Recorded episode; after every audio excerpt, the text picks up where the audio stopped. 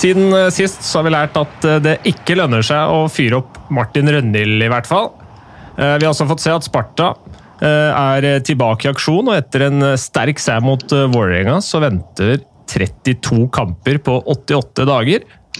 Men hvem er sesongens største skuffelser? Hvorfor får noen karantene for slåssing og andre ikke? Er tidenes talent på vei fra, fra trønderhockeyen på vei? Og hvor langt har forbundet kommet i planleggingen dersom serieinnspurten eller sluttspillet blir preget av et smitteutbrudd? Det er eh, det vi har å by på i eh, denne episoden av Hockeyprat. Eh, hyggelig å ha deg med. Vi skal starte med Spartas høydramatiske comeback, som endte med en meget imponerende seier på Jordal. 5-4 ble resultatet etter straffer. Bjørn og Jesper er som vanlig med. Og så har vi også fått med oss Niklas Rost i bil. Hyggelig å ha deg med. Takk for det, Jonas. Hyggelig å, hyggelig å få være med. Snakke litt med dere. Hvordan er humøret i dag etter den seieren der? Nei, Det, det hjelper alltid. Alltid på humøret å, å vinne hockeykamper. Det er lettere å stå opp om morgenen da. Men eh, det er litt sånn ekstra deilig i dag, for det, det betydde mye for oss, eh, det her. og Vi har vært gjennom en veldig tøff, tøff periode nå, som alle sikkert skjønner. og Mye usikkerhet. og selvfølgelig det er bare to poeng eh, vi, vi kara med oss sånn sett, men det betydde så utrolig mye mer for, for laget og for, for, byen og klubben og alt. At vi liksom at vi klarte å mobilisere og, og ta en eh, sterk seier på Jordal. Det betydde veldig mye. Men stemmer det at dere bare har hatt et eh, par-tre treninger samla før den kampen her, alle mann?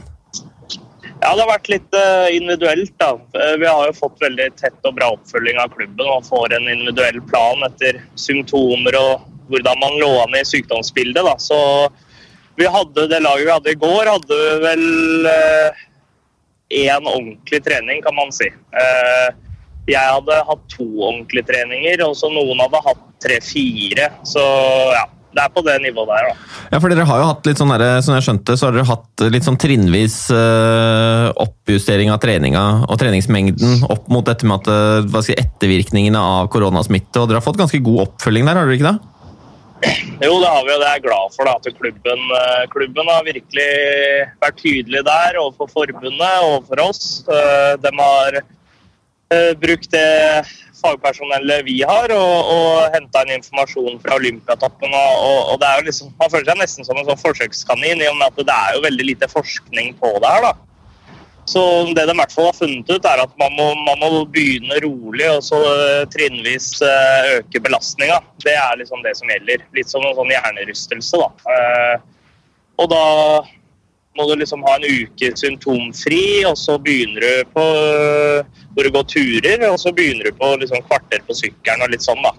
Så jeg ja, Med fasit i hånd så så det ut som det hadde funka, for vi, vi, klarte i hvert fall å gjennomføre matchen. da. Det er ikke sikkert det hadde gått hvis vi hadde stressa tilbake og, og kjørt uh, bånn gass fra starten. Det var en litt rolig powerplay-økt dere hadde før, da? eller? For det, det funka i hvert fall ganske bra. ja, det er rart, det der. Eh, plutselig satt alltid, alltid powerplay, men eh, nei, vi spilte med lave skuldre, hadde ingenting å tape. Ja, det er sånn det er. Eh, hockeyen er rar iblant. da, Når man holder det til det enkle, så er ofte det det beste. Det var jo en, eh, en ganske interessant match hele veien. Dere leda 2-0. VIF eh, snudde i andre perioden. Eh, så frem og tilbake. Vålerenga leda 4-3. Og så kommer sesongens første scoring eh, for deg. Sent, men godt. Det så ut som det der smakte. Ja, det var lovlig sent, syns jeg. Og, og, nei, det har vært eh, dårlig målproduksjon i år. Eh, jeg syns rekka vår har skapt veldig mye sjanser, og, og vi har i de siste fem-seks kampene har vi produsert mer fremover. Men jeg har på en måte ikke klart å sette pucken i mål, da. så det er jo litt sånn litt sånn typisk at man får en sleivtreff når man er eh, rusten og ingenting sitter, og så går den inn da, når man har hatt 15 i stanga når man er i form. Så, sånn er det bare. Det var bra feiring der òg, da, Niklas? Ja, jeg veit ikke helt hva som skjedde. Jeg var så sliten, men det var vel en blanding av noe, pump, noe pumping og noe Det var i hvert fall en glede og lettelse da, å se det, den gå inn. Max Søberg. Ja, nei, men det, det, det, er, det, er, fullt forståelig, men, jeg, men jeg synes jo også at dere skal få ganske mye kred. For det så litt tidvis ut som det er at det begynte å bli litt prega av, uh, av, matchen, og så klarer dere virkelig å mobilisere opp igjen. Er, uh, der skal dere ha kred. Det var sterkt gjort, altså. Ja, det syns jeg var, det var morsomt å være med på det, fordi vi, vi spiller veldig bra første periode. Vi har ikke noe press. og går ut og har det gøy. Det var gøy å spille hockey igjen, og, og, og vi spiller en bra første periode. Og så, som sier på andre perioden så, så kjører rett og slett Vålerenga rundt med oss. Eh, og det, det, blir tunge bein, og man blir kanskje Da syns jeg vi ble litt flate, litt dårlig energi i boksen og litt uh, små, da. Men vi hadde en bra prat før tredje, og, og liksom Vi lå under med ett mål der. Og det, det er et resultat vi hadde tatt før kampen, det, før siste perioden. Så fryktelig sterkt at vi kommer tilbake. Og, og vi har hatt, hatt, bra moral i hele året, syns jeg. Bare vært, fått veldig dårlig betalt i form av poeng, da. Eh, det har vært synd med det unge laget vi har, men forhåpentligvis så, så ga det her litt selvtillit. Du har jo vært med lenge nå, Niklas. Er det her en av de deiligste seira dere har tatt i serien som du kan huske? I hvert fall, Det må være en av de bedre på lenge, i hvert fall? Ja, det er helt klart. Det, det, det, føltes ikke ut som en vanlig seriekamp man hadde vunnet eh, etter matchen. Man har satt med nesten sånn følelse, sånn sluttspillsfølelse eller eh, sånn Winter Classic når vi vant mot Stjernen eh, den. Altså det, det betydde så mye mer enn bare de poenga. Da. Måten vi, vi, kriga for hverandre og, og, ikke fant noen unnskyldninger. For det hadde vært det letteste i verden, det å, å, å finne unnskyldninger for og ikke, ikke gi, gi ofre alt. da. Det har vært veldig lett, men det gjorde vi ikke. Og det var jeg veldig stolt av hele laget at vi klarte. Hvordan var stemninga på, på, bussen på vei hjem? Det var, det var ikke hæla i taket. Det var en sliten gjeng, skal jeg være helt ærlig. Så folk satt for det meste og hadde nok med å bare hente seg inn. Så det blir, blir tøft fremover her. Men vi, vi har jo et bra grunnlag, da, men det er jo visjonen til klubben er å ha godt trente spillere. og vi har jo et, eh, Bortsett fra meg, så har vi et veldig ungt lag. Så da, de gutta der sikkert fort. Da, så får jeg bare prøve å henge på. Ja, Det er jo ikke noe, ikke noe tvil om at, uh, at Sjur er kjent for å, at det blir lagt ned godt treningsgrunnlag der. Jeg tipper at dere tjente, tjente, litt på det når det var i gang igjen med match i går. Men, det, men ser jo framover. Dere skal jo spille fryktelig mye matcher nå. og Dere ligger jo en del matcher bak de andre på tabellen. Uh, har du noen sånne tanker om hvordan det kommer til å være framover nå neste måneden, halvannen? Ja, prøver jo ikke å tenke for langt frem, men jeg, tenker sånn, jeg, jeg, er bare glad for at uh, serien, uh, serien, ruller og går, og, og, at vi får mulighet til å ta igjen de matchene vi har tatt. og da, da får det bare bli en litt tøff periode. Det hadde føltes mye verre om de matchene hadde blitt kansellert, eller om hadde, serien hadde stoppa opp. Det hadde føltes uh, veldig mye verre. Så jeg hadde, tar heller å spille hver dag jeg ut sesongen hvis det er det som kreves. Og Sjur koser seg nå når det er kamp nesten annenhver dag hele sesongen ut? ja, Han liker jo å trene òg, da. Så han får kanskje ikke Jeg har vært litt på han at vi kan ikke kjøre time og 20 på is imellom, uh, imellom matcha nå. Nei, men uh, jeg tror Han er vel han uenig i det? Nei, han, han, var ikke det. Han er helt enig. Så nei, jeg tror uh, både for han og for alle andre så, så er det deilig å være tilbake. Det, det skjønner jeg, men det var en del som skjedde matchen i går. Jeg tenkte vi skulle prøve å få høre hva du tenkte om den annulleringa. Ja. Uh, det er ikke jeg helt objektiv, men uh, i, min, i, mitt hockeyhode så er jo det helt, uh, helt feil at det, en sånn situasjon at det ikke blir mål. Vi, vi, det blir jo gjort regelendringer hele tida for at det skal bli mer offensiv hockey, for at det skal bli mindre destruktivt spill og, og mer mål. da. Også når man da som ikke puckfører blir kjørt inn i dems keeper og så vidt kommer borti han, og så blir det annullert. Da, da tenker jeg da blir det veldig lett å, å, ikke slippe inn mål. For da kan man uh, egentlig bare sette ut på uh, Hente noen fra Sats som tar 200 i benk, og så bare stelle dem foran mål og kaste folk veggimellom. Så ja, sånn jeg vil at hockeyen skal være, så er det helt sjukt at det ikke blir mål. Var det et stikk til Eidstedt, eller? Ja, det var vel han, ja. ja jeg er ikke overraska. Nei, da, men er, Du er jo inne på noe der. at Det er jo, det er jo destruktivt spill inne foran mål som, uh, som gjør at det, det, ikke blir scoring. Og, og, og, at det da ikke er noe utvisning i den situasjonen uh, når de velger å annullere, det er jo, er jo rart. da. Ja, Utfordringa der er at de kan ikke ta utvisninga på videoen. De skal bare se om forseelsen på en måte skal resultere i en annullering. og og eh, Hvis du isolerer den situasjonen, så det at kølla til Niklas da kommer inn på leggskinnet eller på skøyta til Søberg som gjør at beinet hans glir ut og pucken går i mål, den situasjonen isolert sett er en annullering. Men så er jo årsaken til annulleringa at han får krysstakling, men den krysstaklinga, at ingen av dommerne ser den, det er jo utfordringa her. For, for, eh, det burde det vært, men den kan de ikke ta på videoen etterpå. Og der ligger jo nå utfordringa, akkurat den situasjonen der. Ja, ja, helt, eh, helt klart. Det, men, men, at de burde jo definitivt ha fått med seg den krysstaklinga som skjer ja, midt foran mål. Det er en annen Ja, ja. Det, burde de. Det er vi alle enige om. Men, men, det gjorde de ikke, og da kan de bare på videoen isolert sett se på situasjonen med pucken i mål. Og, og sånn som jeg kjenner regelverket nå, så er det dessverre ikke scoring. Det er ikke så enkelt eh, kampprogram dere har framover heller, da, Niklas. Det er eh, Oilers neste, så er det dobbel mot Frisk, så er det dobbel mot Stjernen, og så er det Storhamar. Det, det, ikke, det, blir ikke walkover, det? Nei, det blir knalltøft, men ja, like greit å bli kasta, utere og spille uten press.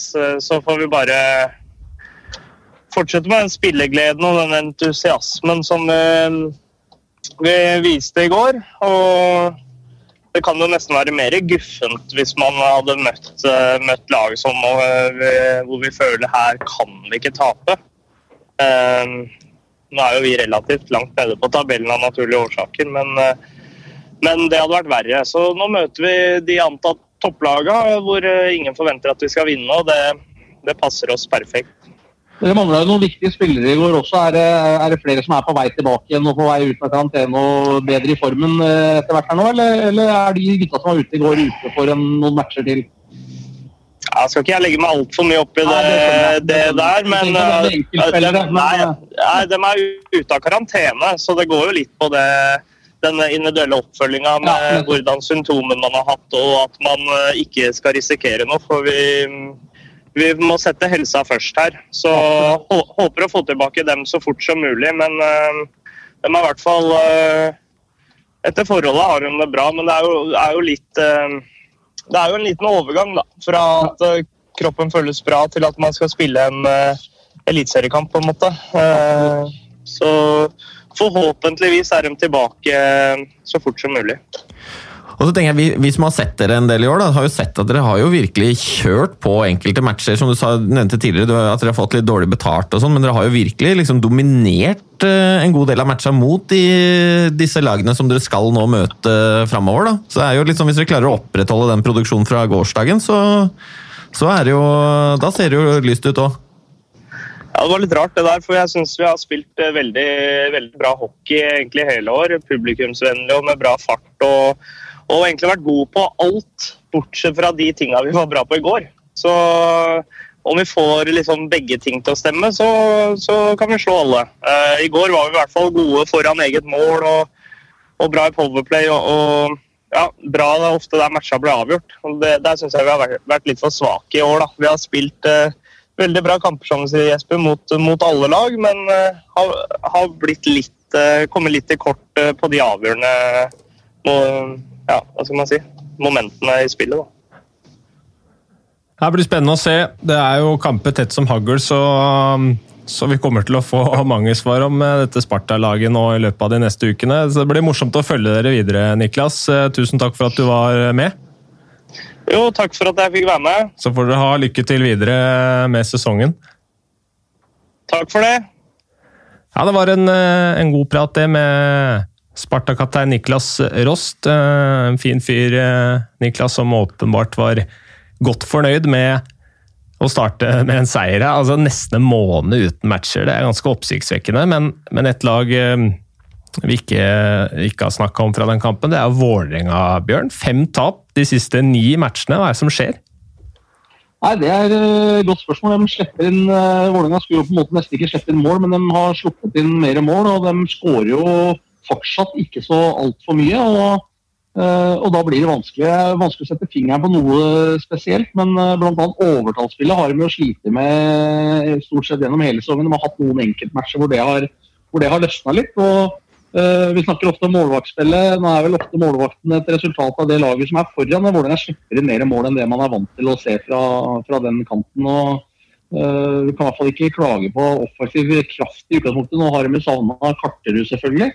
Men, eh, men, med Olden tilbake igjen i år, med, ikke minst med Timey på bekken der, som er en uh, meget god offensiv spiller, Sørvik tilbake osv., så, videre, så har de, bør de ha offensiv kraft uh, til å vinne. Men, uh, men, det går litt i bølgedaler for de aller fleste lagene. og Oilers starta fryktelig dårlig, men har kommet som var det. Stjernen har, har, har løsna litt for. Så, så, det vil gå litt i, i, i rykk og napp gjennom en lang sesong. Ja, Det er jo eneste gapene vi finner. Eh, dessverre, får vi nesten si, er jo mellom toppen, eh, altså Frisk Asker, som er eh, åtte poeng foran Storhamar på andreplass. Og så er det Sparta som er elleve poeng foran Gryner på niende. Altså Utenom de gapene der, så, så kan jo utgangspunktet alt skje utover her. Ja, ja, absolutt. Og, og det er jo veldig det skiller jo ikke mer enn eh, fem-seks poeng mellom Storhamar på andreplass og Lillehammer på, på, femte. og Inni der så er Stavanger, som har én kamp mer spilt. og Stjernen kommer jo litt eh, bak der også, riktignok med 20 kamper spilt. Så eh, det er mye hockey igjen, men det er klart det er langt opp til, til Frisk Asker nå for de lagene som ligger nede på si sjette-sjuendeplass, eller spesielt Stjernen, så, så, skiller det nesten 20 poeng. Ja, og det, det, det føler liksom at Frisk har vært så utrolig gode til å avgjøre de jevne matchene. Eh, stort sett hele tiden. Klarer å bikke den matchen med et mål eller to i sin favør. Altså Med unntak av det, den smellen oppe i Narvik så har de jo liksom klart det. Og, det er, og da når du ser de andre lagene som har, hvor det har bikka begge veier, da. Og vi ser Vålerenga i går klarer å De leder, eh, leder jo både 3-2 og, og 4-3, og, og, klarer ikke å dra i land seieren. Så det er jo derfor det gapet kommer, da. Ja, absolutt. Og, og de har jo, som du sier, eh, levert jevnt. Altså, de har sluppet inn færrest mål i, i ligaen. og nå Med Stjernens uh, nedsamling uh, av Narvik i går, så passerte vel Stjernen frisk med antall skåringer. Men til gjengjeld så har Stjernen spilt to kamper mer. Så hvis ikke frisk Hvis vi skårer tre mål eller mer på eller fire mål da, på de to kampene, så er de oppe og skåra mest mål også i, i ligaen. Så nei, Frisk har virkelig imponert med med fantastisk målvaktspill uh, igjen av uh, ligaens desidert beste målvakt Niklas Dahlberg. Og, og Fain Vestavik, som har stått fire matcher, uh, har levert opp mot 93, han også. Så det er klart, da, da vinner du mye hockeymatcher. Men uh, siden vi nevner Stjernen, det kan vi jo ta litt om. Vi har for så vidt ikke snakka så mye om, om stjernene etter at O'Brien ble signert, men de har jo Eh, resultatmessig så er det litt annerledes, men nå har det plutselig i hvert fall løsna en del for, for, de spillerne som vi har eh, etterlyst eh, må komme i gang med poengproduksjonen. Da. De importene bl.a. har vært hete en stund nå, Jesper? Ja, absolutt. Og det, det, det ser bedre ut for, for Stjernen. Det er ingen, ingen, tvil om det. De slipper fortsatt inn en god del mål, men, men det er jo en spiller som O'Brien er jo med å, å sette standarden for, for, resten av gjengen der. og Alle som fulgte med ligaen i fjor, vet jo hva han, hva han står for og hva han bringer inn i det laget der. Og, så det er moro å se at det løsner litt offensivt for, for Stjernen. og noen av de importene som tidvis har sett ut som de egentlig stort sett seiler rundt utpå der. Som ser ut som de begynner å ta i litt mer. De slo jo Narvik 6-2 i Nordkraft Arena i går, eh, tirsdag. Eh, merkelig dommerblemme der. Eh, altså, regelmessig så, så, gjør de vel helt riktig det å først ta en avgjørelse på isen på en scoring, om det er eh, høy kølle eller ikke, på Niska Kangas, tror jeg. Eh, dømme først mål, gjøre om den og, og vasker ut skåringa før de går inn og ser på video. For da er det jo sånn at de må motbevise med klare bilder den avgjørelsen som er tatt på is.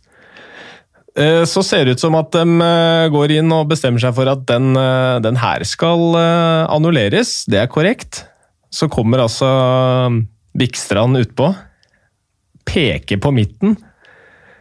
Og vasker ut skåringa i samme bevegelse. En ordentlig finte fra hoveddommer der, det er ganske spesielt. Ja, det er, eh, det er eh, hører med til sjeldenheten at vi ser den varianten der. og eh, altså jeg tror som, som, spiller så hadde jeg vært fryktelig frustrert utpå der. Både med, både med, at de gjør om avgjørelsen på is. først dømmer, dømmer mål, så snakker sammen, og så vasker han for å kunne gå inn og se på. Og så kommer inn ut, peker på midten, og så vasker han en gang til. det den, eh, jeg skjønner at eh, det var noen frustrerte spillere der oppe i går. Ja, i hvert fall. Den, altså, med en gang så ser du han peker på midten, så kommer jo den euforien nå. Du har jo scoret. Du ja, tenker jo det. Ja, ja. Altså, og så plutselig kommer arma ut, så bare eh, Ja vel. Jeg hørte jo kollegaene våre, Sverre og Mathias òg, de, de, trengte noen sekunder på å skjønne hva som, hva som skjedde der. Det er sånt som skjer. Men det var uh, spesielt. Jeg kan ikke huske å ha sett det før, at, uh, at en dommer gjør den feilen. Nei, det har jeg aldri vært borti, jeg heller. Og, og jeg, jeg, kan heller ikke huske at man har tatt to avgjørelser på isen heller, før man går og kikker på, på video. Nei, Jeg syns det, det, var veldig spesielt. Jeg kan ikke huske å ha sett det uh, heller. at man det var på en måte før, eh, før videodømmingas tid i, i norske ligaen. At, man at eh, dommerne kunne dømme noe. Så samla de seg eh, i dommersirkelen og snakka om situasjonen. Og kunne gjøre om på avgjørelsen hvis det, var, hvis det ble enighet mellom dommerne. Men, men, det å gjøre om avgjørelsen for å så gå inn og se på video, det har jeg aldri sett før. Nei, det, det, er vel ikke Jeg tipper det er en stund til vi får en helt lik situasjon som det der, i hvert fall. Uh, Apropos... Men samtidig så kan man konkludere med at eh, sånn som jeg så, så ble det vel en riktig avgjørelse tatt til slutt. Det tror jeg. Og det er det som er litt av poenget her, da. Ja.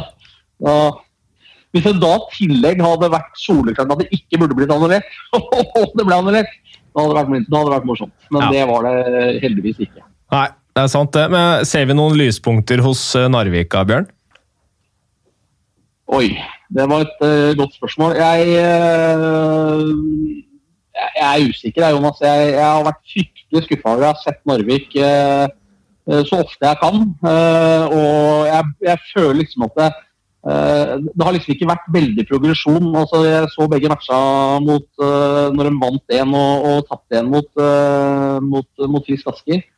Følte vel egentlig at Frisk var fryktelig dårlig i begge de kampene og hadde egentlig litt tur som vant den første. Ehm, så det var ikke ufortjent totalt sett at, eh, at, Narvik vant, men det var ikke for at Narvik var så innmari gode. Det var litt den følelsen jeg, jeg satt med, så ærlig skal jeg være. Og de eh, slipper jo inn fryktelig mye mål òg. Ehm, ja. Så nei, eh, Narvik har, må jeg si, er en, en veldig sku, skuffelse. Og da sammenligner vi naturligvis med den årgangen eller den, det laget de hadde i, i fjor, med med, med Murphy og Hurley og Partan var god i mål osv. Så, så, eh, og en del norske gutter som tok steg. Virkjeland som fortsatt er der. Folk Larsen som nå er i Sparta osv. Så, videre. så nei, jeg må si at eh, Narvik har vært en uh, stor skuffelse, um, dessverre. Par av de navnene du tok opp der, som var i Narvik i fjor, skal vi nok helt sikkert ta opp etterpå. Vi må bare Eh, før vi går videre, vi må snakke om den, eh, den straffeskåringa til Håkon Nimseth Stormli også. Det er noe av det sykeste jeg har sett, Jesper. Ja, Det er en fryktelig merkelig situasjon der. Det, jo, altså det ser ut som at, eh, at, Holm er helt sikker på at han er redda, og at den pucken forsvinner langt av gårde. og det, det, er jo på en måte ganske sånn naturlig keeperrefleks. Du da på en måte reiser deg opp og er på vei ut til rundvant igjen for å på en måte mentalt forberede deg på neste straffe, men når den pucken detter ned igjen der, så ser det ut som han på en måte bare sånn ren refleks bare slår etter den, og så spretter den inn i mål, og han bare uh, skater videre. og ser ikke ut som han enser at den pucken har gått inn, men det, det er merkelig, merkelig situasjon, det der. Ja, og, ja, Det er jo liksom en, en sånn der referanse eller eh, det er sikkert veldig mange lyttere som har sett den der fotballkampen fra England i er det 5., 6., 7. divisjon hvor pucken går i tverrleggeren og går 280 meter opp i lufta, og keeperen er helt autorisk for dem har rykka opp. Og så, og så går den ballen og vrir på gresset, og så triller den inn i lekkaren, og så er vel andre laget som går opp isteden. Og det er jo helt fantastisk. Det,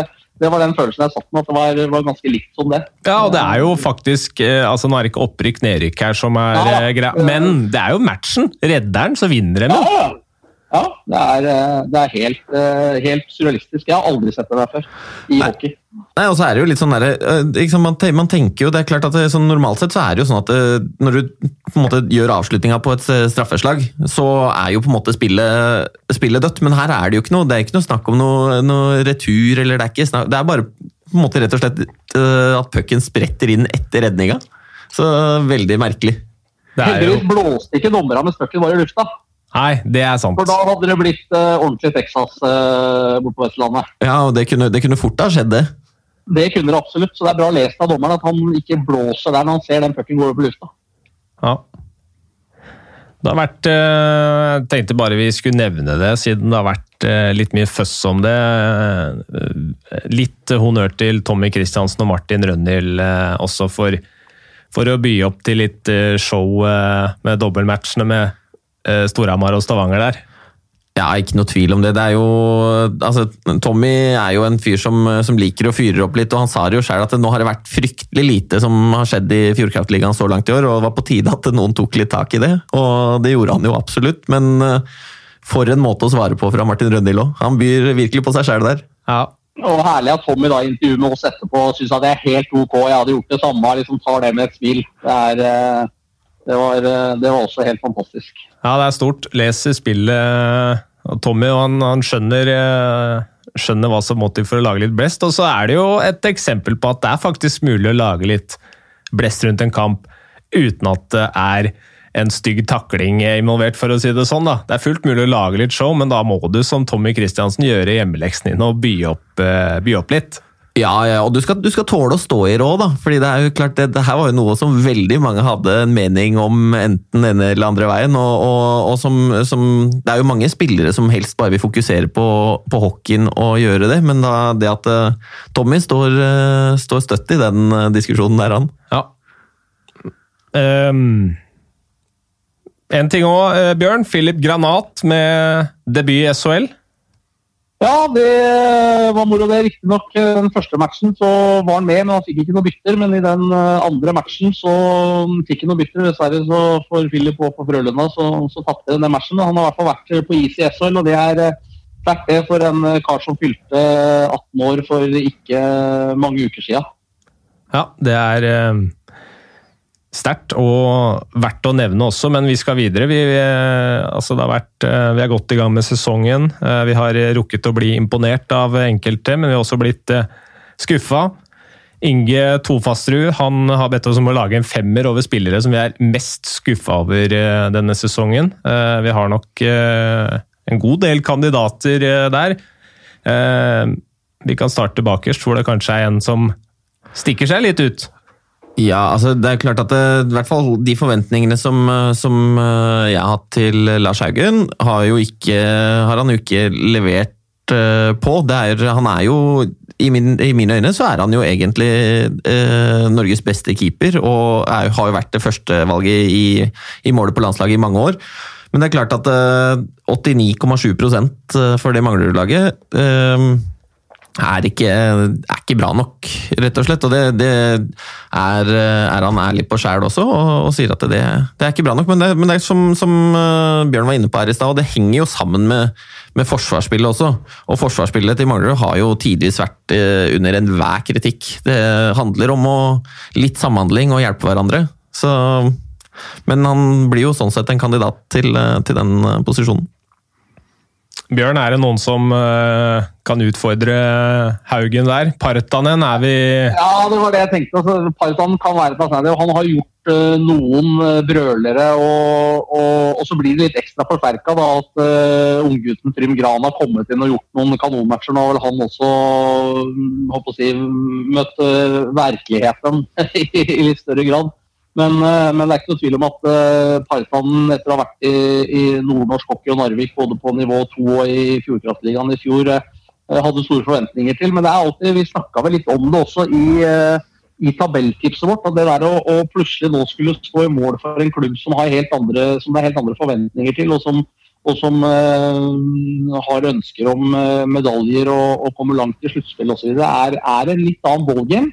Eh, men Parkan har gjort noen kanonmatcher eh, i tillegg, så Eh, men, eh, men på plass, så, så, det er mulig man kan sette han på plassen, eh, på plassen bak eh, Lars Haugen. Ja. Men han er god i DNB Arena, da, Jesper? Absolutt.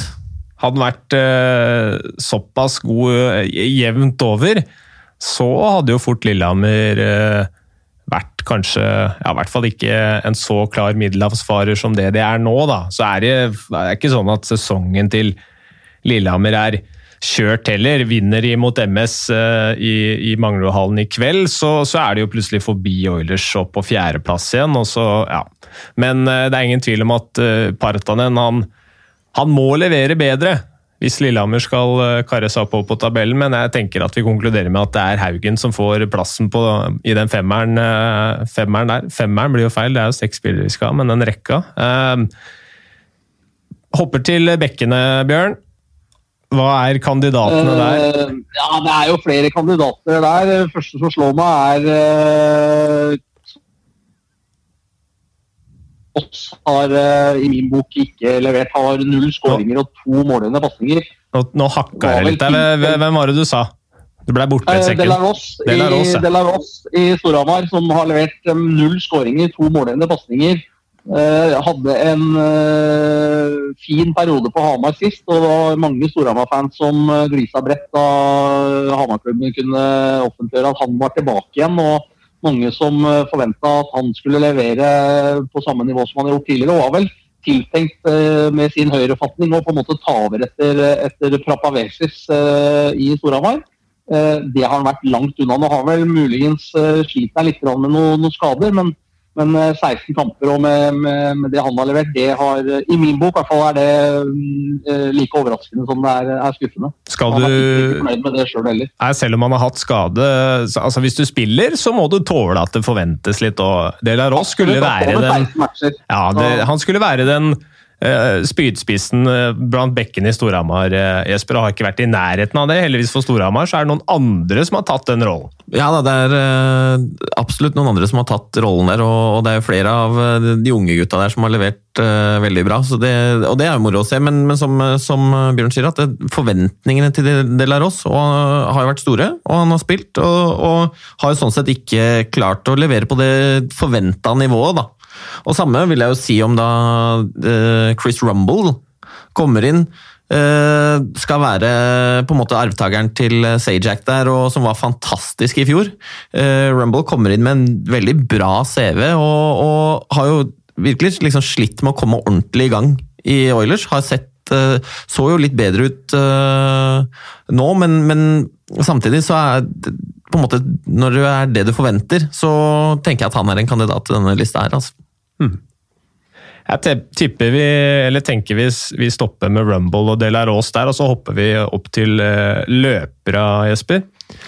Ja, det er jo også en, uh, også en uh, øvelse, holdt jeg på å si. Jeg tenker sånn en av, en av, de som jeg har hatt høye forventninger til, og som jeg syns har vært en god spiller i mange år, er jo Nick Denin. Uh, syns jo da fra å være den derre Eh, på en måte offensive bærebjelken i, i, Lillehammer har jo vært en, er jo en god toveispiller også, sånn sett, men, men uh, å ha ni poeng på så langt i sesongen og, og minus fire føler jeg ikke er helt uh, på det nivået som de niene ønsker å være.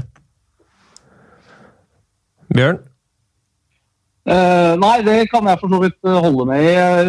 Berlin er jo på en måte også en sånn Man brukes i undertall her ofrene spiller osv. Men han er nok ikke fornøyd med den uh, produksjonen han har levert uh, så langt. Så på det området hadde nok jeg også forventa mer av, uh, av Divin. Er det noen, noen, andre?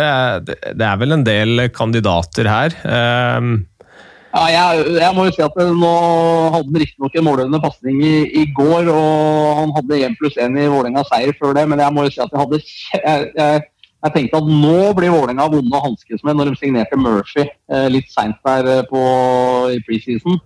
Uh, Murphy, som jeg syns var kanskje en av ligaens beste spillere i et uh, Narvik-lag, som jo for så vidt overraska, men, men de lå jo tross alt uh, i bunnen av tabellen, eller der nede. og en type spiller som jeg tenkte ville passe ypperlig inn i Vålerenga. Og så kommer han til Norge og debuterer mot Frisk med Han skåra vel to mål og og var, var, bra. Og så har det slokna mer eller mindre i en lang periode, og så har han jo som sagt tilbake igjen med tre poeng de siste to matchene. Men, men, ja, men han, har bare én scoring og to assist siste ni kampene, altså. Ja, det, det, er jo ikke i nærheten av å bli flytta ned til fjerderekka, og i hvert fall sto det på, på oppstillinga i går. Ja, og det, det, er klart at er ikke, Han er jo ikke der for å, å på en måte ha en assist, eller ett mål og to assist på, på, ni matcher. Han er jo der for å være en, en uh, spiller som produserer. Men det er klart det, den overgangen for en spiller også er ganske stor. da, Kommer fra å spille førstefiolin i Narvik og være fus i alt sammen med, med, med Hurley der oppe, til å på en måte skulle dele dette med om det har vært Olden, Lindstrøm, det er Røymark det er, uh, altså det er mange spillere i Vålerenga som er uh, Eh, er på et høyt nivå, da, og da får du ikke hele tida være fus i alt. Og det kan nok ha satt sitt preg på at han ikke, ikke leverer på det nivået. da. Hva med lagkameraten hans, eh, Thomas Olsen? 22 skåringer eh, forrige sesong. Tre mål på 18 kamper den sesongen her. Det er ikke akkurat det vi hadde forventa fra han heller. Nei, det er jo ikke det. Han er jo en, en spiller som egentlig er en, er en målskårer og har fin uh, teknikk og bra skudd. Har jo uh, sånn sett slitt med sin, sin, produksjon der. Og der også er vi jo litt inne på det at overtallet til Vålinga ikke har hva skal jeg si, stemt like bra hele tida. Og er nok en, en, faktor for det. Ja. Jeg, vet, her, her, har jeg lyst til å kaste inn Falk Larsen også. Jeg syns ikke at de norske skal gå helt under radaren her. altså 18 eh, skåringer og 12 målgivende for Narvik eh, i, i forrige sesong. Eh, Skåra i går. Det var hans første mål i Sparta-drakta i Fjordkraftligaen. Én pluss én på tolv kamper. Det er ikke det vi hadde forventa fra han heller, Bjørn. Nei, det holder jeg med deg. Det var en lur signering Sparta gjorde der, tenkte jeg, basert på, på det han hadde levert tidligere. Men men igjen, da er vi inne på, på, det at det, det, kan ta litt tid for enkelte å, å komme i gang uh, i et nytt miljø. og uh, Jeg tror fortsatt uh, Falk Larsen har en bra signering for, for Sparta. og men igjen, det er, det er, ikke alltid like lett å, å, bytte klubb. og Du kommer inn med andre rekkekamerater enn dem du hadde når du kanskje leverte på høyt nivå. Uh, Sparta har kanskje ikke skåra mål i riktig situasjon hvor han har vært til stede osv. osv. Vi får nok håpe og tro både for Sparta og for, for hans del at uh, det kanskje løsna litt uh, nå. Men bra skøytesterk spiller, tar godt for seg osv. Men, men har ikke lykkes i Sparta så langt. Da. Nei, så tenker jeg Vi må jo se litt på eller Jeg hadde et par kandidater på, oppe på Hamar òg. Det er jo det spillere som vi egentlig har, har, store forventninger til. Og så er det klart de spiller en litt annen rolle nå. Vi har jo vært vant til å se både eh, Christian Larivé, vi har sett eh, Djupvik Løvli, Robin Dahlstrøm produsere mye eh, i mange år. Og den produksjonen ser vi jo heller ikke i år. Nei, det er helt riktig, det. Og vært stille derfra. Så det er jo, altså på en måte også blir Men det er klart, da. De har et, de har et uh, lag hvor du har uh, Det er, det er en førsterekke med, med Patrick Thoresen, det har vært Eskil Bakke-Olsen og uh, Rasmus Aholm, der Salsten Edvardsen og Rønhild har spilt sammen i andre rekka. Så blir det liksom plutselig, når istida blir litt, litt, mindre og man får en litt annen type rolle, så produserer man jo heller ikke det samme. Man skal på en måte utfylle laget, men samtidig så er det liksom spillere som vi har vært vant til å se jevnt og trutt i poengstatistikken. da. Ja, hva tenker du, Bjørn? Er det noen andre her, eller har vi kandidatene våre? Ja, jeg, jeg, jeg, må jo si at jeg, øh, jeg hadde kjempehøye forventninger. Det blir jo ofte liksom utlendinger, for det er dem som er nye i ligaen, som man har ofte forventninger til. Men, men Thomsen i, i Stjernen, riktignok så i, i, hans tilfelle også, gjør helt OK med poeng. Men, men, øh, men maken til kroppsspråk som han har hatt i en del av de matchene jeg har sett på. Det virker totalt uinteressert, virker det som for meg, i enkelte situasjoner.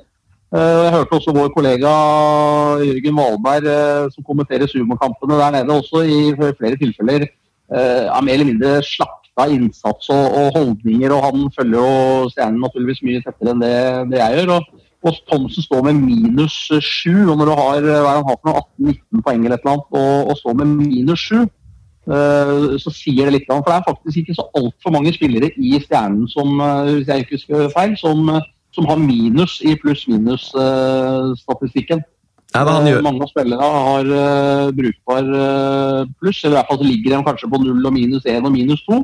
Mens, eh, mens eh, Thomsen ligger på minus sju, bare slått av Reichenberg med minus åtte. ja, og Thomsen gjør jo mesteparten, eller over halvparten av poengene sine i Powerplay. så Det, er jo, altså, det handler jo om å bidra i fem mot fem-spillet òg. Og jeg er helt enig med deg. Jeg syns at eh, den innsatsen, eller det som på en måte den synlige innsatsen som han legger ned, er jeg ikke vært veldig imponert over. altså. Du følger Thomsen, med andre ord. Ja, jeg følger Thomsen her. Ja, da har vi Thomsen og Murphy, en løper til da, av de som er nevnt. Eh, Falk Larsen, Dahlstrøm, Larivé, Thomas Olsen. Er det noen flere som vi har uh, hoppa over her nå, eller er det en av de? Jeg vet ikke, jeg starta ut med Denin, da, så jeg vet ikke om jeg skal holde meg på den. eller om Denin, han- selvfølgelig. ja. Ja. Ja, det kan godt henge henge meg på med Denin her, hvis du skal liksom akkurat lage en femmer. sånn. Vi lager en femmer. Da er det de. Nordmennene går klar. Bortsett fra Haugen. Men den eh, Den eh, Ja, men jeg tror jo at det, det er klart at alle, alle, ja, da, alle der har hatt store forventninger til han. Både alt fra han sjæl til Manglerud til egentlig til ligaen. At når du får hjem, eh, får hjem førstekeeperen til landslaget og, og han skal stå, så, så har folk høye forventninger. Og, og Manglerud har rett og slett tapt for mange matcher. Ja. Da har vi den femmeren, eh, Inge. Så skal vi hoppe videre. Eh, Vi har ganske mye på menyen i dag. Eh, Som jeg nevnte innledningsvis, så skal vi ta opp litt koronaspørsmål òg, så derfor skal vi ta og få med oss Kristoffer Holm fra Norges ishockeyforbund. God dagen, Kristoffer. Hei, hei. Hyggelig å ha deg med. Takk. Hvordan, hvordan er ståa om dagen? Er det mye å tenke på? Ja, nei, vi, vi har nok å henge fingra i. Det er jo annerledes for alle som eh, bedriver ishockey og eller idrett generelt. Så, så det er litt andre problemstillinger enn vi, vi kanskje er uh, vant med, men jeg, jeg syns vi håndterer det greit. Ja. Syns alle i norsk hockey håndterer det greit. Ja. Det er jo nettopp håndtering også som vi, vi, vi er litt nysgjerrige på, for vi, vi prøver jo å tenke litt fremover for å forstå hvor langt man har kommet ved planleggingen av ulike scenarioer. Eh, man har jo eh, sett at Sparta er blitt veldig påvirka av et eh, smitteutbrudd. Henger langt, langt etter lagene i, i grunnserien her nå. Jeg har vel en ja, Spørs om hvem du sammenligner med, men en seks-sju kamper å, å ta igjen. Så er egentlig spørsmålet Hva skjer om et lag settes i karantene helt på tampen av seriespillet og vil misse viktige poeng? Altså, Hvordan vil man da f.eks. rangere de ut i en, uh, altså en sluttspillsvalg og tabellen osv.? Ja, altså det, det begynner jo litt før der, da. Eh, Vi vet jo ikke så mye om hva fremtiden vil bringe. Um, Men vi forsøker jo, å, uten å være spåmenn eller spådamer, så, så forsøker vi jo å, å være proaktive. Så, så det Ishockeyforbundet sammen med klubbene i, i Fjordkraftligaen gjør, er jo at vi har startet nå å flytte en del av de kampene som var planlagt å gå helt på tampen av sesongen, i mars, til tidligere datoer. Noen allerede nå i desember, eh, noen i januar.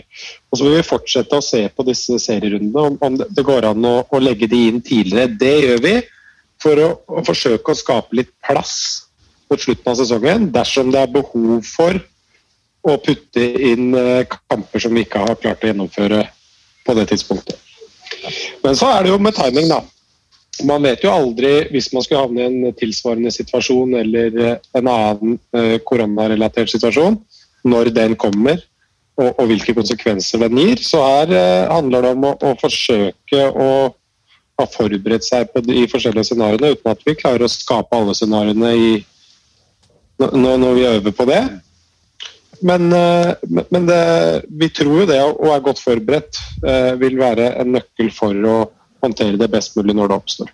Ja, og så er det jo, så vidt jeg vet, eh, klubber, norsk topphockey og forbundet ønsker, så langt det lar seg gjøre, å- å gjennomføre fullt seriespill, ikke avlyse noen kamper. Eh, Så stemmer det at færre kvartfinalekamper er et potensielt tiltak vi kan, eh, kan få se når sluttspillet begynner, dersom ja, worst case skjer, da. Ja. Allerede før sesongen så blei det bestemt, og, og, var ønskelig både fra klubbene, deres interesseorganisasjon og ishockeyforbundet å forsøke, hvis vi snakker isolert sett om Fjordkraftligaen, å, å, gjennomføre alle kamper som er satt opp i seriespillet. Og Da har vi sagt at det, det forsøker vi, og så har vi lagd noen regler for i, i hermetegn dersom det ikke blir mulig.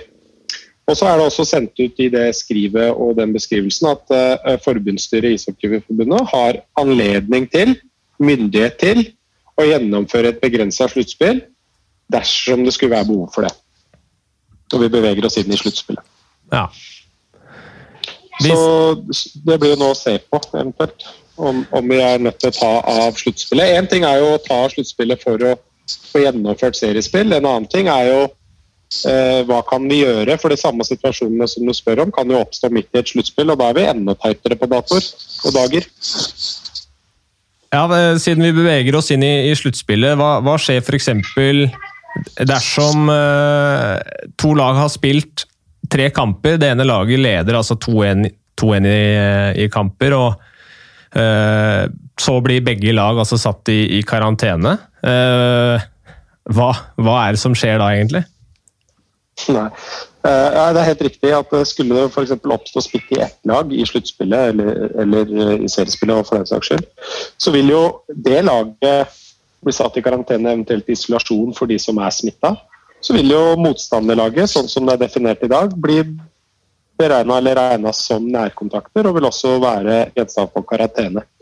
Og Da begynner jo dagene fort å, å løpe på. Og, og 100% hvordan vi skal løse det, har vi ikke konkludert med. Men vi, vi, vi har jo sett problemstillingen.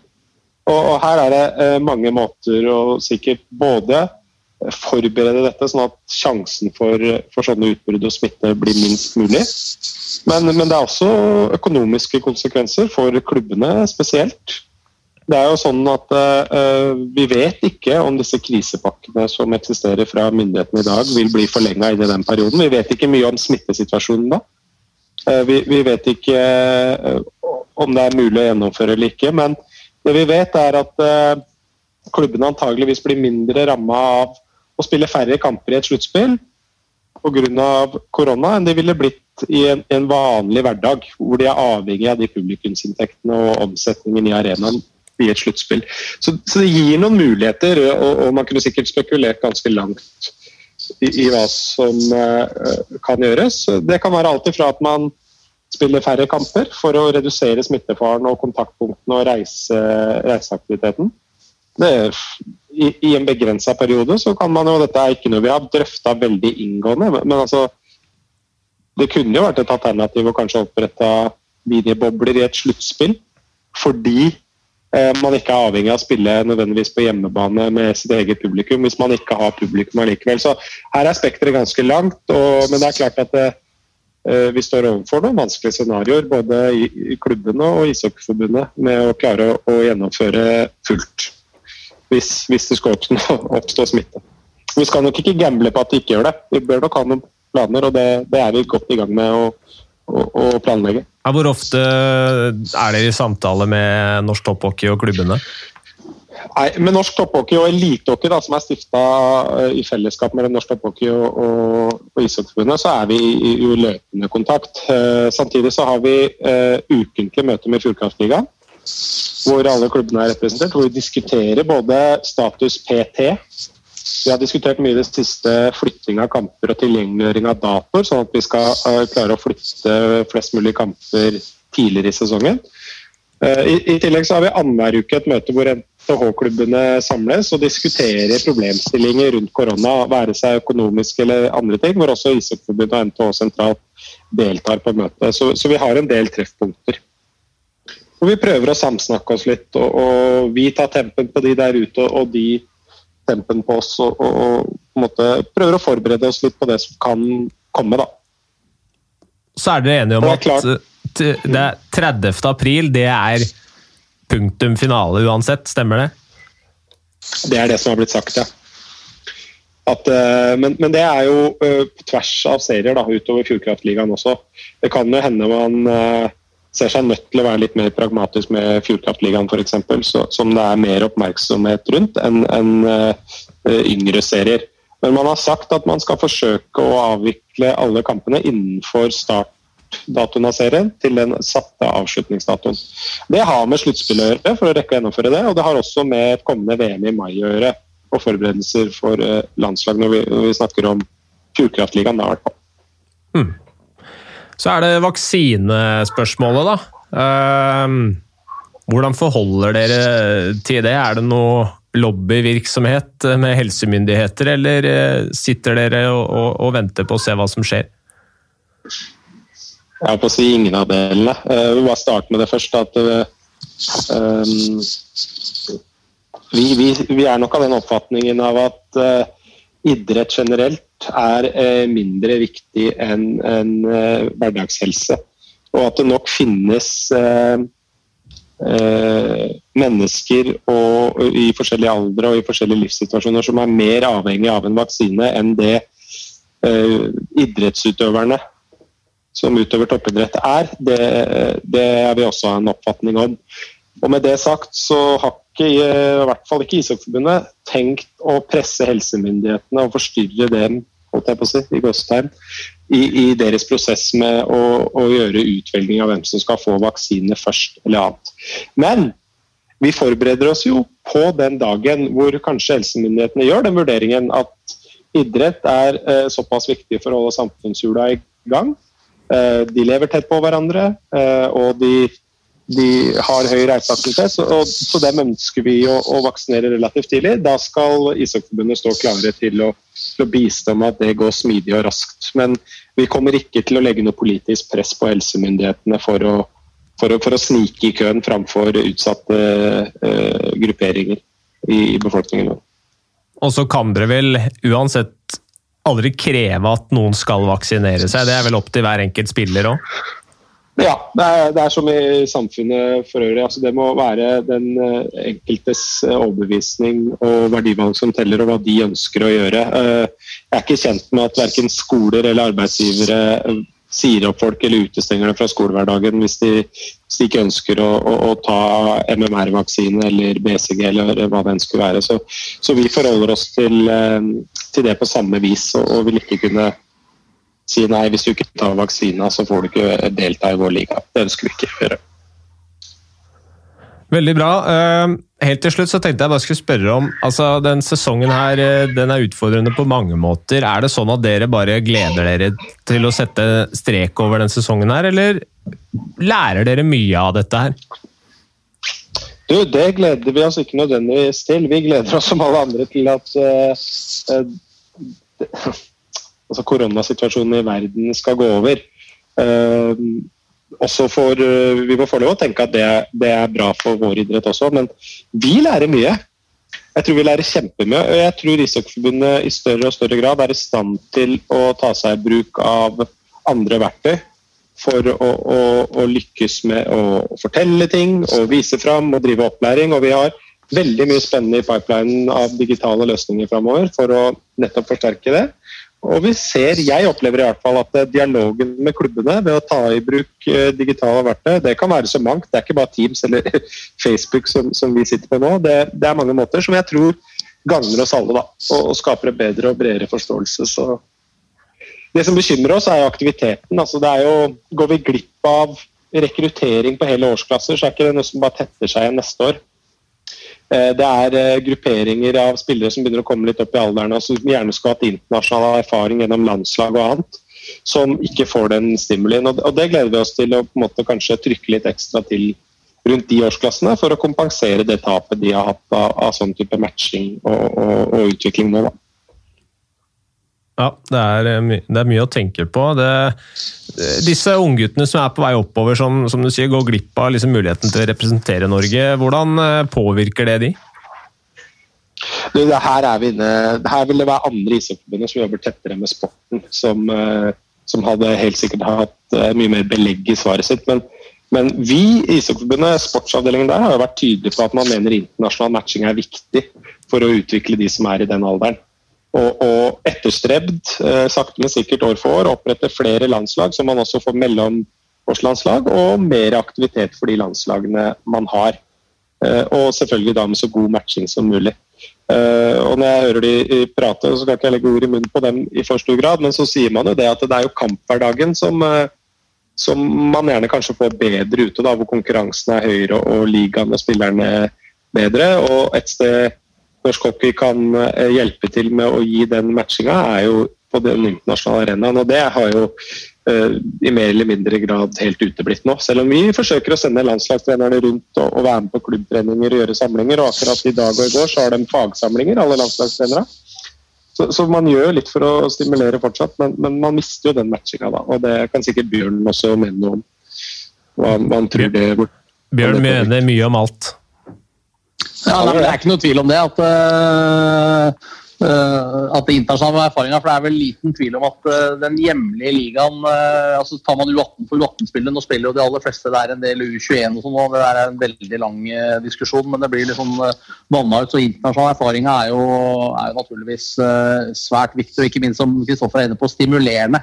Det å få være med, være ute. Og nå er det jo riktignok sånn at nå vet jeg at, vet at Hockeyforbundet er jo ikke sånn spesielt uh, begeistra for akkurat den type virksomhet, men det er jo faktisk en del årganger nå som har vært med på en del internasjonale turneringer uh, gjennom World Select-opplegget, hvor man møter lag fra Russland og Nord-Amerika osv. Og, og, uh, og ikke minst den årgangen jeg kjenner godt til, 04, hvor, hvor det er vel den største utvandringa av spillere til svenske elitehockeygymnas av noen årgang så er det svært mange av de som har, eh, har vært med og spilt internasjonal hockey fra de var 13-14 eh, år i, i, i, det systemet. Så uh, internasjonal matching er uh, naturligvis uh, både stimulerende og ikke minst bygger på i erfaringsbanken til, til unge utøvere. Det er liten tvil om. Ja, til, tilsvar til, til det, altså, Ishockeyforbundet er jo for internasjonal matching og, og, bra tilbud til spillerne, det, det, er det ikke noe tvil om. Uh, Ref. Bjørn og Select og sånn. Men så er det riktig at disse forbundene er litt sånn motstander av Select. Men det går på, på hvordan foregår den selekteringen, kostnader ved det.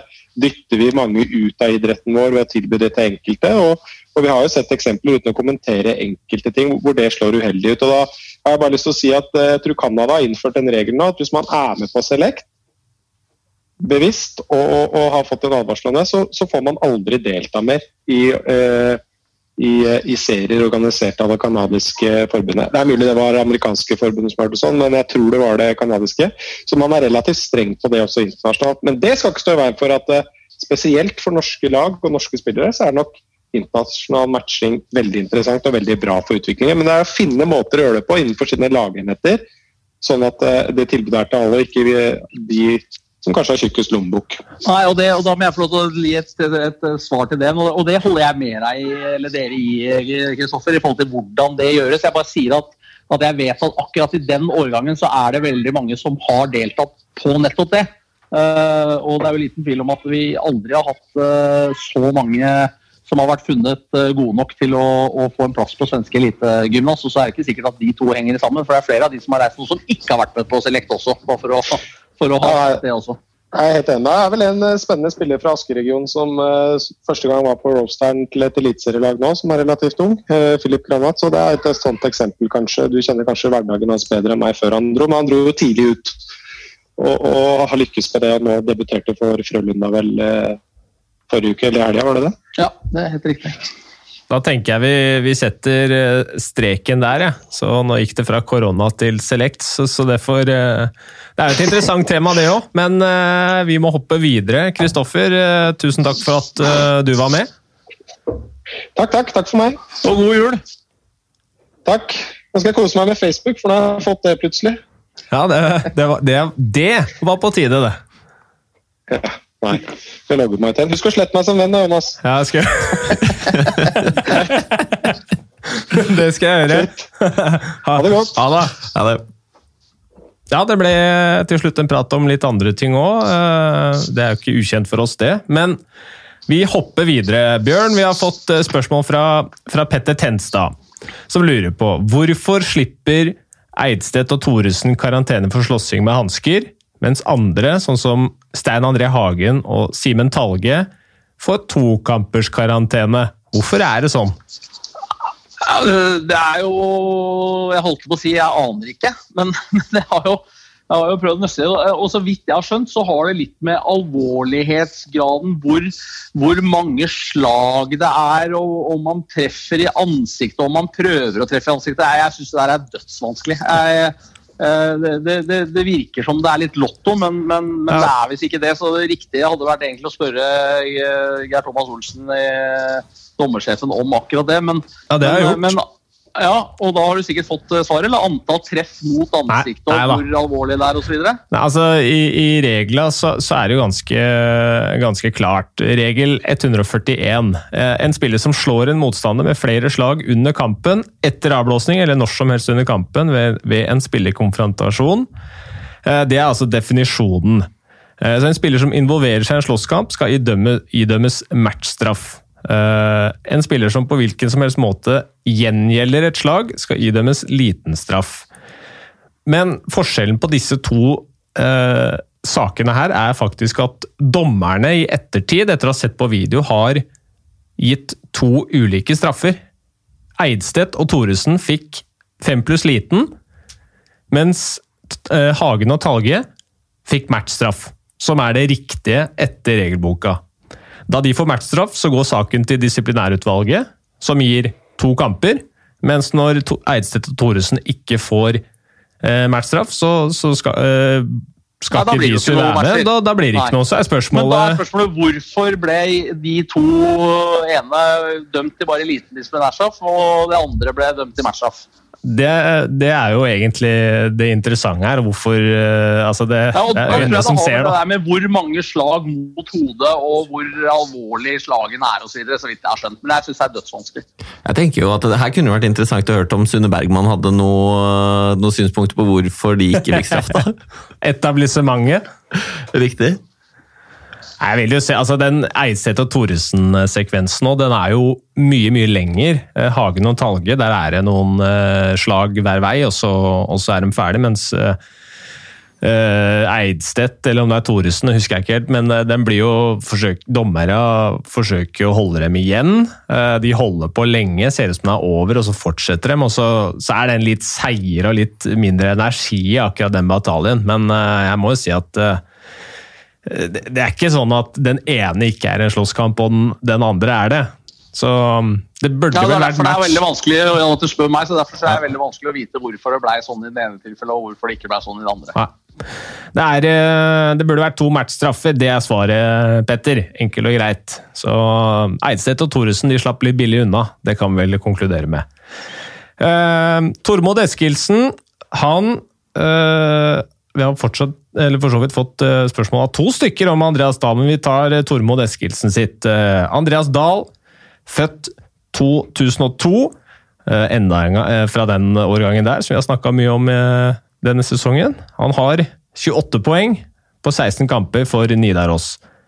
Største talentet gjennom tiden i trøndersk hockey, vil jeg si.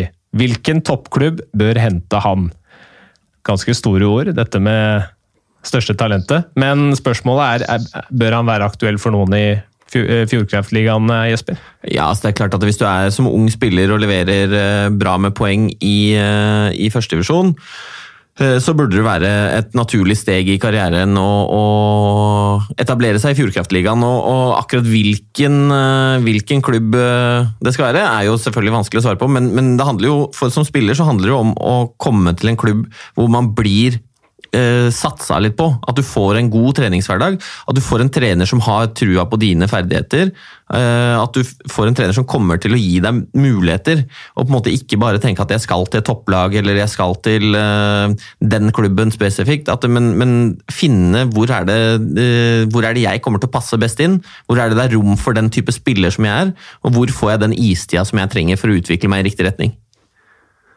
Kan, uh, kunne kanskje Dahl uh, lært litt av Falk Larsen, uh, Bjørn? Vært, kunne Narvik vært en potensiell destinasjon? Er ikke det noen toppklubb i Fjordkraftligaen, men de er da oppe på øverste nivå. og Der ville han jo fått en del tillit. Narvik mangler en del, men de mangler i hvert fall en målskårer. Han har skåret 14 mål da, på de 16 kampene, så det, det kunne vært et, en idé det, Bjørn?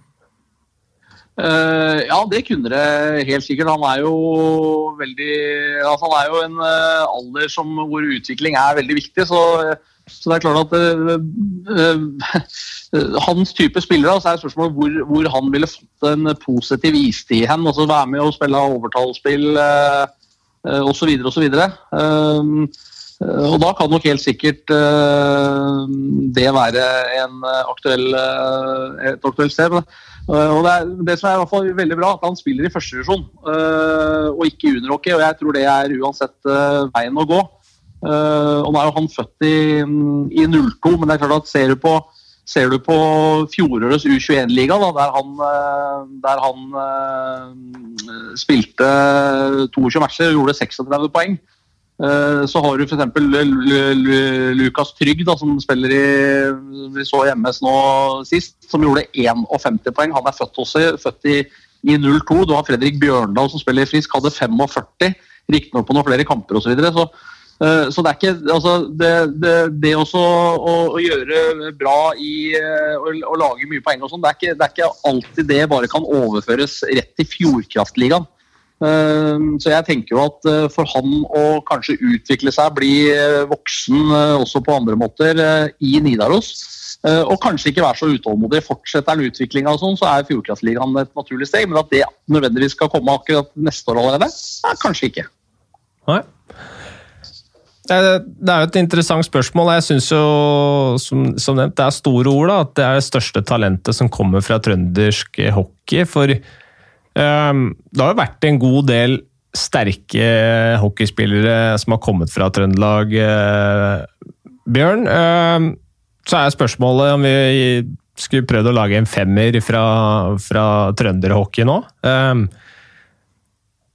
Ja, vi skal lage en femmer. Da, da tror jeg vi det, det, det, har vært utrolig mange gode trøndere opp igjennom. Nå har jo kanskje Trondheim primært vært uh, veldig flinke på å ha hatt utrolig mange si, utlendinger som har dominert, men det har jaggu meg vært en del uh, trøndere rundt omkring òg. Det er jo bl.a. en hjemvendt NHL-stjerne på Lillehammer som jo har, er trønder, Andreas Martinsen. Uh, spilte vel aldri seniorhockey noen gang i Trondheim, for han dro vel til NTG før han forsvant, uh, forsvant utenlands. Men uh, rekka over, over norske si, trøndere i, som har spilt i trønderrocken, den, den, er ganske lang. Han, han, første, som slår, første, som slår, meg, er Nørstebø, naturligvis. Som er like gammel som meg, og som jeg hadde gleden av å, å spille mot helt siden han var en veldig ung gutt. Og jeg husker utrolig godt vi var på kretslagsturnering med det, den kretsen som den gang het Asker og Bærum. Og spilte turnering i Trondheim. Da var jeg vel Lilleputt, som det het den gangen. Eh, og spilte da mot Sør-Trøndelag, og da spilte Nøstebø for leik. og Matchene varte i tre ganger ni minutter, og Sayan Enok Nøstebø han spilte tre ganger ni minutter. Han var på isen hele matchen for Sør-Trøndelag. Ja, det er, det er, jo en del sterke kandidater på, på bekken. Han har jo en sønn nå som har vært eh, solid. Selv om han ikke har spilt så mye hockey i, i Trondheim, så, så, er han jo derfra. Ja, ja, og han er jo en, en, av våre beste backer eh, per i dag. Det er ikke noe å lure på det. Og han har jo både SM-gull i bagasjen og har jo vunnet COL et par ganger. Og er jo fast inventar på landslaget, så han er jo en, en soleklar kandidat der. Og så vil jeg trekke fram da også Henrik Solberg, da. Ja, ja, ja. Uh, har ikke spilt så mye seniorhockey i Trondheim, han heller, men sju NM-gull med Oilers.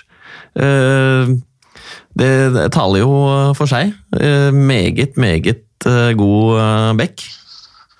Ja, da får jeg dra for Jeg er jo litt eldre enn dere, jeg er i hvert fall et kvarter 20 minutter. Så da får jeg, jeg, jeg får, får, representere de litt eldre gutta jeg, og, og, og trekke fram f.eks. Nordnes-brødrene, Kåre og Magne.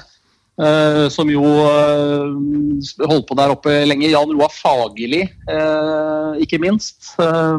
for å ta noen, noen flere, noen flere bekker. Ja, nå er vi forbi min ja, det var det jeg regna med. Men, jeg. Men jeg har jo faktisk hatt uh, Jan Roar Fagerli som trener, jeg. Så, ja, det har du kanskje. Ja. Så, ja, fikk du spille mye? I så fall så er hun sikkert en stor kandidat her nå. ja. Nei, det, var, eh, det var vel akkurat det var når jeg var, eh, når jeg var junior og begynte å, å trene med, med A-laget i Vålerenga. Så var, var, han trener sammen med Da var Petter Thoresen som var hovedtrener, og så var Jan Roar var assistenttrener.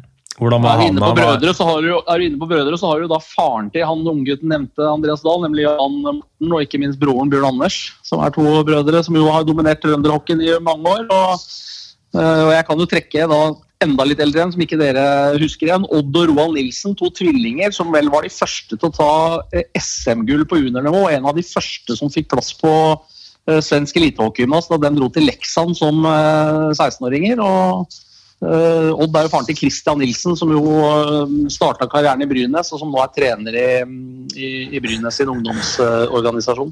Da er det mye relasjoner her. Da skal jeg, da skal jeg ta en fra min tid. Også, ikke bare. Ja, nå skal jeg bidra med noe fra min tid der, så jeg også eller, Da har vi spetsbrødrene. Tre Ja. stykker. Eh, Lars Erik og Knut Henrik eh, et stykke foran bror Vegard. Eh, det er også to kandidater, vil jeg si her. Absolutt, og det er jo, de har jo hatt eh, bra karrierer, eh, både Lars-Erik og Knut Henrik. Og, men der er også, jeg vil jo eh, trekke fram en som jeg har spilt med òg. Inge Stokkvik må jo med i denne diskusjonen. Han må med i loopen, ja. Ja, ja, ja. Jo, var jo en fantastisk morsom spiller, og, og både uh, se spillet og spille med i, i store, store deler av, av den tida. Ja, Stokke fikk vel aldri noen offisielle landskaper, men han spilte vel litt sånne firenasjonsturneringer osv. Han var jo en eh, tekniker og en eh, artist som det var morsomt å, å se på.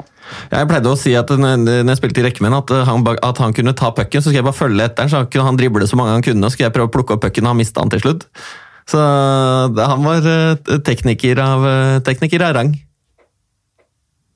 Her begynner vi faktisk å få et lag her. Ja, og så har du jo spillere som heller også har vært profiler i trønderhockeyen, som ikke nødvendigvis uh, å si landslagsaktuell osv. Men Thomas Wiik, jeg vet ikke om han til slutt satt klubbrekord der oppe ja, med seniorkamper på, å si, i trønderhockeyen. Men han var jo en bauta i mange mange år. Ørjan Næss fikk vel overskrifter for mye annet enn akkurat hockeyen. Men profil det er en liten eh, Eller altså i hockey, altså mål og pasninger, for å si det sånn. Det er Ja, må mye- med. mye annet, men eh, det er klart at han var en profil i trønderrocken, det er det vel eh, veldig liten tvil om. Dag Morten Ven, som jo Han må med. Han må hadde med. mange sesonger i Lillehammer i, i tillegg. Mange trøndere. Ja, keeper Øyvind Sørli. Øyvind Sørli, da fikk vi en keeper òg. Var vel også på landslaget noen sesonger? sesonger. Ja, Flere altså- sesonger, hvis jeg ikke husker feil. Så må vi faktisk si da, Dag Morten Mehn er jo Da, da får vi inn en ordentlig målskårer inn i, inn i laget òg. Han har jo gjort uh, bra med poeng uh, gjennom sin karriere. Stokkvik og, og Ven, begge to, hvis du tar serie og sluttspill, over 600 kamper og over 400 poeng. Så de har, eh, de har levert, de. Eh, skal vi se, jeg nevnte Skal vi få et lag her, da, så trenger en bekk til, tror jeg. William Strøm eh, kom vel inn eh, Har jo vært en solid bekk i Fjordkraftligaen en, en stund nå. Eh, ikke den som har utmerka seg mest fra trønderhockeyen. Det det er vel Nørstebø, far og sønn, og, og Solberg som er, eh, som er de viktigste bidragsyterne i den backrekka her, Jesper. Ja, jeg syns jo det, og det er jo sånn sett de, de mest uh, meritterte Så det blir, det blir vanskelig å komme utenom. Bjørn, har du noen flere forslag? Nå var det, nå var det mange navn jeg ikke har eh, sett Nei, jeg, spille. jeg skal jeg være ærlig. jo Det er jo Nei, jeg jeg, jeg har vel dratt de fleste av de som eh, falt meg inn sånn eh, umiddelbart. Ja, vi har, vi har et lag. Vi må lage en førsterekke da, eh, med, med de aller, aller beste her. Eh, vi- Jeg veit ikke om eh, Kan, kan Dubkov være aktuell her? Vi, vi vil jo helst ha nordmenn, men som du nevnte, Bjørn, det har vært en del importer som har vært knallgode der. og Dubkov han er jo såpass fet og, og var der såpass lenge at han eh, får vel nesten si kvalifiserer. Er jo hovedtrener for, ja, skal du for ha Nidaros nå utlendinger fra også. trønderhockeyen, så er det ikke mulig å komme unna Dallas Gomes, spør du meg. Da, men han husker vel sikkert ikke dere spille, han heller. I hvert fall ikke du, Jonas. Men Uh, Og da, jeg, jeg, jeg, husker, jeg husker han, Bjørn, og, og det, er, eh, det er ingen som har spilt med så kort hockeykølle som eh, Nei, og Dallas det Gom. verste var at Den kølla ble kortere og kortere, for hvis han gjorde en dårlig periode, så sto han ute i gangen og så sagde han av lite grann av kølla. Og det er ikke fleip engang. Han sto ute utafor garderoben. Da jeg den, så jeg flere ganger vi var oppe i Trondheim og spilte mot dem. Så sto han og sagde litt på kølla hvis den ble dårlig. Så ble litt og litt kortere. Så hvis han da hadde flere matcher hvor han ikke leverte, så ble den, eh, var han jo nede på innebandykølle til slutt der. Ja, og eh, Inge Stokkvik fortalte meg faktisk om det en gang, at eh, han hadde spurt ham hvorfor, hvorfor han drev med det. Så at, at svaret var at he was looking for the perfect stick. Ja, Så Det stemmer bra, det. Ut og, ut og file litt på. Ja, ja. Sagna litt på, på kølla i pausene der. Det var eh, Skal vi se inn på det laget som TIC hadde i, i den lockout-sesongen 04-05, så har altså eh, poenglista nedover. da, Det er Dubkov, Nick Smith, Lars Erik Spetz, Mark Bell, Dwayne Harmer, Inge Stokkvik. Og så er det en uh, Martin Patorsny. Det er mulig det var uh, dårlig uttalelse. Så har du Jan Mortendal. Det var, uh, det var en sterk lineup de hadde der. Ja, ikke noe tvil om Røyk vel i finalen mot Vålerenga, gjorde de ikke det? Jo, stemmer det. Stemmer det. Med Tommy Sandlin som trener. Ja, og da var det jo Chris Mason i mål for, eh, for Vålerenga. Han eh, stengte jo døra totalt. Så det var vel etter at han kom til Vålerenga, så var det vel eh, bare én eller to matcher omtrent som Vålerenga tapte. Så da, selv om eh, selv om TIC hadde bra lag, så ble det tap. Det blei eh, Det blei mange navn her. Jeg har ikke oversikt nå over alle her. Nei, vi, altså. jeg Det- tror vi bare sier at vi har toucha trønderhockeyen, altså får folk velge en femmer sjøl. Ja, det kan vi si. Det, et, eh, det det blir et sterkt lag, i hvert fall. Um, og så skal vi runde av der. Dette ble en lang seanse, men eh, det tåler vi, siden det er altså siste episoden vi har før, eh, før eh, jul. Neste innspilling det er altså 6. januar, eh, så får vi se hva vi har å, å, å snakke om da. Det er eh, sikkert ikke mangel på incidenter og resultater fram til den gang. Um, vi skal runde av, og da skal vi helt til slutt dele ut premien, da. Tre måneder. Eh, Sumo Total, et gavekort der. Det, det går rett og slett til Tormod eh, Eskilsen for hans spørsmål om Andreas Dahl. Det syns jeg dro oss inn på et fint tema med trønderrocken også. Så Tormod, gratulerer. Det blir en julegave eh, fra oss. Vel fortjent. Takk til dere to karer, Jesper og Bjørn, for, for en hyggelig prat. Vi runder av med å ønske en riktig god jul, eh, og så snakkes vi på, på nyåret. Husk å sende inn spørsmål. Det er eh, nye Sumo-abonnement å hente altså på andre siden her i 2021. Så satser vi på at det året blir vesentlig hyggeligere enn hva det har vært nå. Hjertelig takk for følget.